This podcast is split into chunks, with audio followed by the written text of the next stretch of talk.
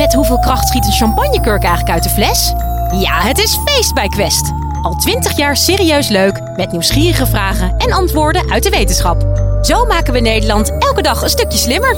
Nu in de winkel en op quest.nl. Hey, Sophie hier. Welkom bij de Universiteit van Nederland podcast. Hey, wat ik me afvroeg. Waarom is het zo ontzettend makkelijk en misschien zelfs wel verleidelijk om kritiek te hebben op mensen om je heen? Klasgenoten, docenten, buren, bekende Nederlanders, politici. Social media en bladen staan vol met meningen over anderen. Maar over onszelf zijn we vaak niet zo kritisch. Terwijl dat soms best goed zou zijn. Wie hier alles over weet is Inge van Seggelen, dame van de Open Universiteit. Enjoy!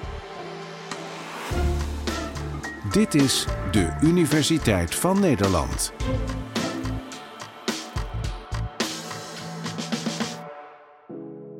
Ja, dat is eigenlijk een hele goede vraag. Waarom is het makkelijker om kritiek te hebben over iemand anders dan over jezelf?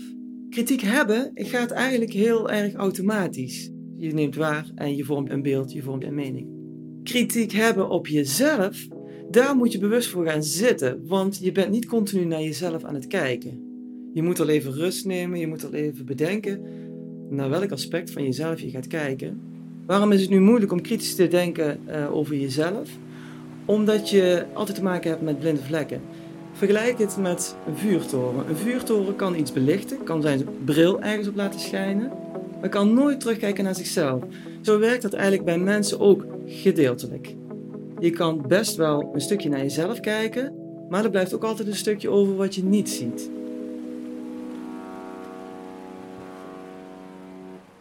Reflecteren uh, wordt vaak gedefinieerd als terugkijken naar het verleden of vooruitkijken. Maar reflecteren is eigenlijk vooral het in twijfel trekken van je aannames. Net zo lang, net zoveel, totdat je tot, je eigen kennisgrens komt. Totdat je realiseert, wacht eens even, dit is mijn perspectief, dit is mijn bril. Uh, maar er zijn ook nog andere brillen. En pas dan ga je verder. Er zijn altijd gedeelten van onszelf uh, die we niet kunnen zien. Daar hebben we een ander voor nodig uh, als spiegel om dat toch te belichten. Want het is af en toe ook pijnlijk, hè? Het is af en toe ook vervelend om te zien uh, de dingen die, die je van jezelf niet zo leuk vindt. Hè? Dus, en, en dat betekent ook dat je iets moet veranderen. En veranderen vinden we ook niet altijd leuk. Wel bij een ander, maar als we zelf iets heel anders moeten gaan doen dan wat we altijd gewend zijn, dan kijken we er ook wel eens anders naar. Waarom hebben mensen nood aan meerdere perspectieven? Daar is een hele mooie parabel. Een parabel is eigenlijk een uh, religieuze vertelling. Vaak wordt die gebruikt om van te leren. En die parabel die gaat over uh, uh, blinde mensen en een olifant. Die blinde mensen die hebben nog nooit een olifant waargenomen en die krijgen de kans om op de tast die olifant te ontdekken. En de een staat bij zijn poot en uh, voelt een pilaar. De ander trekt aan zijn staart en voelt een touw. Weer een ander trekt aan zijn oren en voelt een ventilator.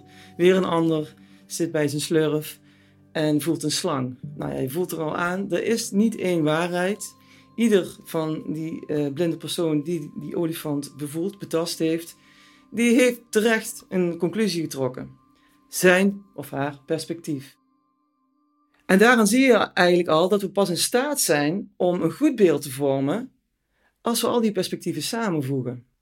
En dat is ook een beetje misschien wel het symptoom van deze tijd, met alle kwesties die we gehad hebben met uh, bijvoorbeeld uh, Matthijs van Nieuwkerk, uh, John de Mol met ongewenste gedrag. Het maakt eigenlijk niet uit welke naam je eraan hangt. Het, het wordt vanuit een perspectief geconstateerd. En de vraag is, waarom heeft het zover kunnen komen? Waarom zijn mensen zelf letterlijk zo verblind geweest en hebben ze zichzelf niet gecorrigeerd? Nou, dat heeft, naar mijn idee, dus te maken met het gebrek aan meerdere perspectieven. Mensen zijn niet in staat gebleken om ook andere perspectieven te hanteren. En dat is menselijk. Uh, dat doen we allemaal. Alleen de vraag is uh, of je jezelf niet moet, toe moet zetten om ook op zoek te gaan naar die andere perspectieven. En dat doe je door te reflecteren. Met een andere bril terugkijken op datgene wat gebeurd is. Met als doel om het in de toekomst anders te doen. Als je op dezelfde manier blijft kijken nou, hoe dat je dat altijd gedaan hebt, dan gaat er ook niks veranderen. Dus eigenlijk gaat uh, reflectie ook over van fouten leren. Je hebt ook de motivatie nodig en uh, de durf om je kwetsbaar op te stellen, want daar gaat het vaak mis. de motivatie en, en, en eh, de veilige omgeving, zeg maar, is essentieel om ook je eigen uh, aannames in twijfel te durven trekken. want uh, daarmee geef je eigenlijk aan, misschien zie ik het niet helemaal goed. En ik, ik, ik heb eigenlijk hulp nodig. Kun je me die andere bril aandragen? Dat is essentieel. Dat is ook de reden waarom het vaak niet gebeurt. En ook in, uh, we hebben gezien in, in onderzoek dat juist in situaties waar er heel veel macht uitgeoefend wordt, gebeurt het het minst. Mensen durven zich niet kwetsbaar op te stellen, durven niet van perspectief te wisselen, of kunnen zelfs niet van perspectief wisselen. Komen we weer terug op, op de kwesties die nu spelen hè, in de media. Matthijs van Nieuwkerk is opgestapt bij BNN-VARA. De Volkskrant ging vanmorgen door met de uitgebreide berichtgeving van dit weekend over grenzen. Uh, waarom kunnen mensen niet terugkijken op zichzelf? Uh, nou, ook gewoon omdat ze geen tegenspraak krijgen. Ik doe het toch goed, ik ben toch succesvol. Iemand die dus in een machtspositie zit, die heeft ook geen aanleiding meer om een ander perspectief te zoeken. En niemand durft dat andere perspectief aan te dragen. BNN-VARA-presentator Tim Hofman sprak vorige maand bij de uitreiking van de televisiering over een van de doelstellingen van zijn omroep. Dat mensen zonder macht zich veilig voelen om bij ons te praten en mensen met macht toch denken, eh, nu voel ik mij benauwd. Maar gold dat ook voor zijn eigen omroep. Dus jouw perspectief, jouw bril is algemeen geldend, is waar. Om, omdat je geen tegenspraak krijgt. Terwijl je eigenlijk juist, hoe hoger je komt, ook in de hiërarchie, eigenlijk altijd uh, een klankbord, eigenlijk nieuwe perspectieven op moet blijven zoeken. Om niet die, die blindheid te krijgen. Dat kun je dus ook in een groep krijgen, maar dat kun je dus ook zeg maar als eenling. Ze zeggen niet voor niks, het is lonely at de top. Dat heeft ook daarmee te maken. Als je heel hoog in een boom zit en je wordt niet tegengesproken, is dat ook heel menselijk. Je moet dat echt doelbewust zelf gaan zoeken, want het komt niet altijd naar je toe. Dat is ook de kritiek die je nu nog wel hoort als het gaat om oude bestuurscultuur bijvoorbeeld. Hè, het allemaal achterkamertjes en, en uh, we houden het onder de pet. Uh, en we delen eigenlijk niet de perspectieven of de aannames waar we op varen. Uh, dus het, transparantie helpt. En je ziet met, met, met alle discussies die er nu zijn, of het nu gaat om diversiteit, of het gaat over racisme en dergelijke uiteindelijk draait het erom dat die oude perspectieven, of die, die blinde vlekken, of hoe je het ook wil noemen, besproken worden. Pas dan kan je eigenlijk verder. Dus in die zin is stilte, doodzwijgen, is eigenlijk altijd funest. De cancelcultuur, daar kun je je dus van afvragen of dat ons als maatschappij goed doet. Kijk, ik, ik pleit daarmee niet voor om mensen die uh, dingen gedaan hebben die, die verkeerd zijn, om ze daarmee weg te laten komen. Maar om ze dan weer diep weg te stoppen, ik denk dat het in ieder geval op termijn beter is om misschien juist wel met diezelfde mensen in gesprek te gaan, hun eigen blinde vlekken te laten delen, te laten bespreken en ook te komen met al die nieuwe perspectieven. Ik denk dat je daar als maatschappij pas mee, echt mee vooruit komt. De cancelcultuur aan zich kun je natuurlijk niet uh, verklaren met, met reflecteren, maar waar, waar ik eigenlijk over spreek is Moeten we juist niet waken voor een cancelcultuur? Moeten we juist niet willen leren? Reflecteren is ook gewoon leren, is ervaringsleren. Van fouten leren. Het risico van cancelen, van doodzwijgen, is dat we niet meer op terugkomen. Totdat de volgende uitwas weer blijkt. En, en in die zin pleit ik er dan wel voor om transparant te zijn, om ook gewoon met elkaar aan tafel te zitten en die blinde vlekken boven tafel te krijgen. Want dat is waar het uiteindelijk om draait. Hè. Het gaat ook niet om, of dat het ene perspectief juist is en het andere niet. Het is uh, accepteren of erkennen dat er meerdere perspectieven zijn. We zijn eigenlijk gewoon vergeten om naar al die andere perspectieven te kijken. Wat heb je eigenlijk nodig om zelf aan de slag te gaan met zelfreflectie? Nou, eigenlijk is het heel eenvoudig. Het, het, is, het begint met de gelegenheid. Neem even ergens de tijd, ga even rustig zitten. En stel jezelf ook hele simpele vragen. Wie ben ik? Wie ben ik als persoon? Wat vind ik leuk, wat vind ik niet leuk? Uh, wat vind ik leuk aan mezelf, wat vind ik niet leuk aan mezelf? Um, wat kan ik? Waar ben ik goed in? Waar ben ik misschien niet zo goed in? Wat wil ik? Waar ga ik nu echt harder van lopen? Wat, wat wil ik in het leven? En het gaat ook een beetje om herhaling. Stel jezelf die vraag een keer en laat het dan even los. Ga niet rumineren. Ga, rumineren wil zeggen dat je terugkijkt naar het verleden en erin blijft hangen uh, en er niet meer los van komt.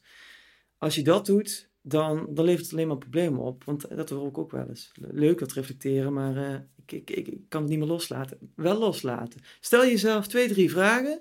Ga er even voor zitten, schrijf desnoods op. En dan leg je je boekje weer weg. En dat gaat wel door. Dat ratelt wel door. Je, je gaat verder met je leven. En op enig moment denk je: hé, hey, ik ga weer verder. Wat ook belangrijk is als je reflecteert, is wel dat je afbakent. Dat je wel jezelf de opdracht geeft: waarover ga ik reflecteren? Want je kunt overal over reflecteren en dat, dat eindigt nergens. En dat levert ook niks op. Het is belangrijk dat je weet waarom je het doet. Je kunt reflecteren om uh, te leren van ervaring, hè, om verder te komen. Je kunt reflecteren om beter om te kunnen gaan met emoties. Maar je kunt ook reflecteren om jezelf beter te kunnen managen. Hè, als vorm van, van zelfregulering noemen we dat. Dus je hebt verschillende doelen die je kunt bereiken met reflecteren. En dat bepaalt eigenlijk met terugwerkende kracht welke vraag je aan jezelf stelt. Want reflecteren is eigenlijk jezelf bevragen. Maar een andere oefening die ook vaak gebruikt wordt, is uh, het STAR-model. En STAR-model is eigenlijk een Engelse afkorting voor situation. Haal je een situatie voor de geest. Um, target, wat was het doel wat je in die situatie moest behalen? Action, wat heb je zelf gedaan? Result, wat was het resultaat? En als je wil, ook nog de extra R. Reflection, wat vond ik er nu zelf van? Een hele simpele oefening kun je eigenlijk op heel veel zaken toepassen. Vaak zijn, uh, zijn er bepaalde aanleidingen voor reflectie. Dat kan zijn een conflict, dat kan zijn een traumatische gebeurtenis, dat kan ook zijn een groot succes in de topsport. Dat vormt vaak de aanleiding om te gaan bedenken: hé, hey, wat is er eigenlijk gebeurd? Waarom is het zo gelopen? We hebben het gehad over die trigger die er moest zijn. We hebben het gehad over die motivatie, of bereidheid, de veilige omgeving. We hebben het gehad over de vragen die je jezelf kunt stellen. Cruciaal is wel hoe ver je door gaat vragen. Je moet wel het gevoel krijgen dat je tot je eigen kennisgrenzen komt. Dat je ergens op stuit waarvan je denkt: hey, dit is een eye-opener. Als dat nog niet gebeurd is, is dat ook het signaal om bij iemand anders te raden te gaan. Toetsen bij anderen dus.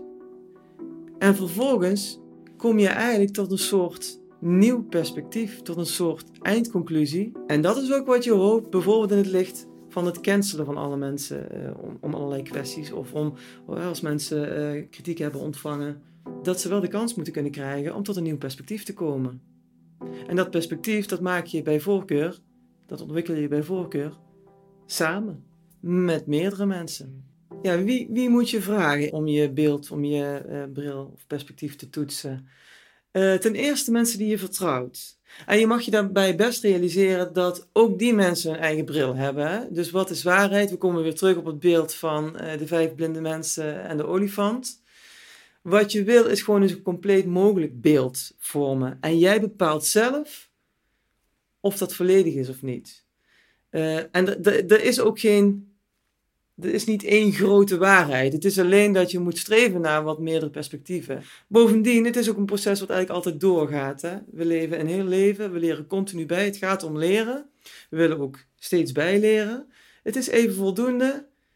En over een tijdje leer je weer iets nieuws. Ik denk dat het wenselijk is om over bepaalde thema's en kwesties met elkaar te reflecteren. En ik denk ook dat het gebeurt. Want ik denk dat zo maatschappijen veranderen. Ik denk dat maatschappijen veranderen doordat we reflecteren. Doordat het naar buiten komt, doordat zaken besproken worden, doordat dingen transparant gemaakt worden, doordat ze bespreekbaar gemaakt worden. Dat is reflectie. En dat, dat, ik denk dat iedereen daaraan deel moet kunnen nemen. Dat gaat ook gewoon om gesprekken. Uh, bij de koffie. Gewoon privé. Dat ga, hoe wil je als maatschappij vooruitkomen? Hoe wil je als maatschappij veranderen? Ja, dan mag je reflecteren over onderwerpen. Want anders blijven we allemaal zitten in onze eigen comfortabele positie, onze eigen perspectieven. Ik krijg wel eens de vraag: Goh, je doet onderzoek naar reflectie. Dan kan je dat zeker wel heel goed. Nou, dat zou ik niet willen beweren. Ik uh, zie zelf wel de noodzaak tot reflectie en ik zie ook in onderzoek hè, wat het op kan leveren. Maar ik weet ook dat we met z'n allen, en ik dus ook, uh, ons hele leven lang mogen reflecteren. Dus ik zie de noodzaak en uh, ik weet ook hoe het kan. en ik weet ook dat het gewoon een uitdaging is en dat we die uitdaging als individu, maar ook met z'n allen als maatschappij, eigenlijk gewoon voortdurend aan moeten gaan. En dan op een respectvolle manier, wat mij betreft.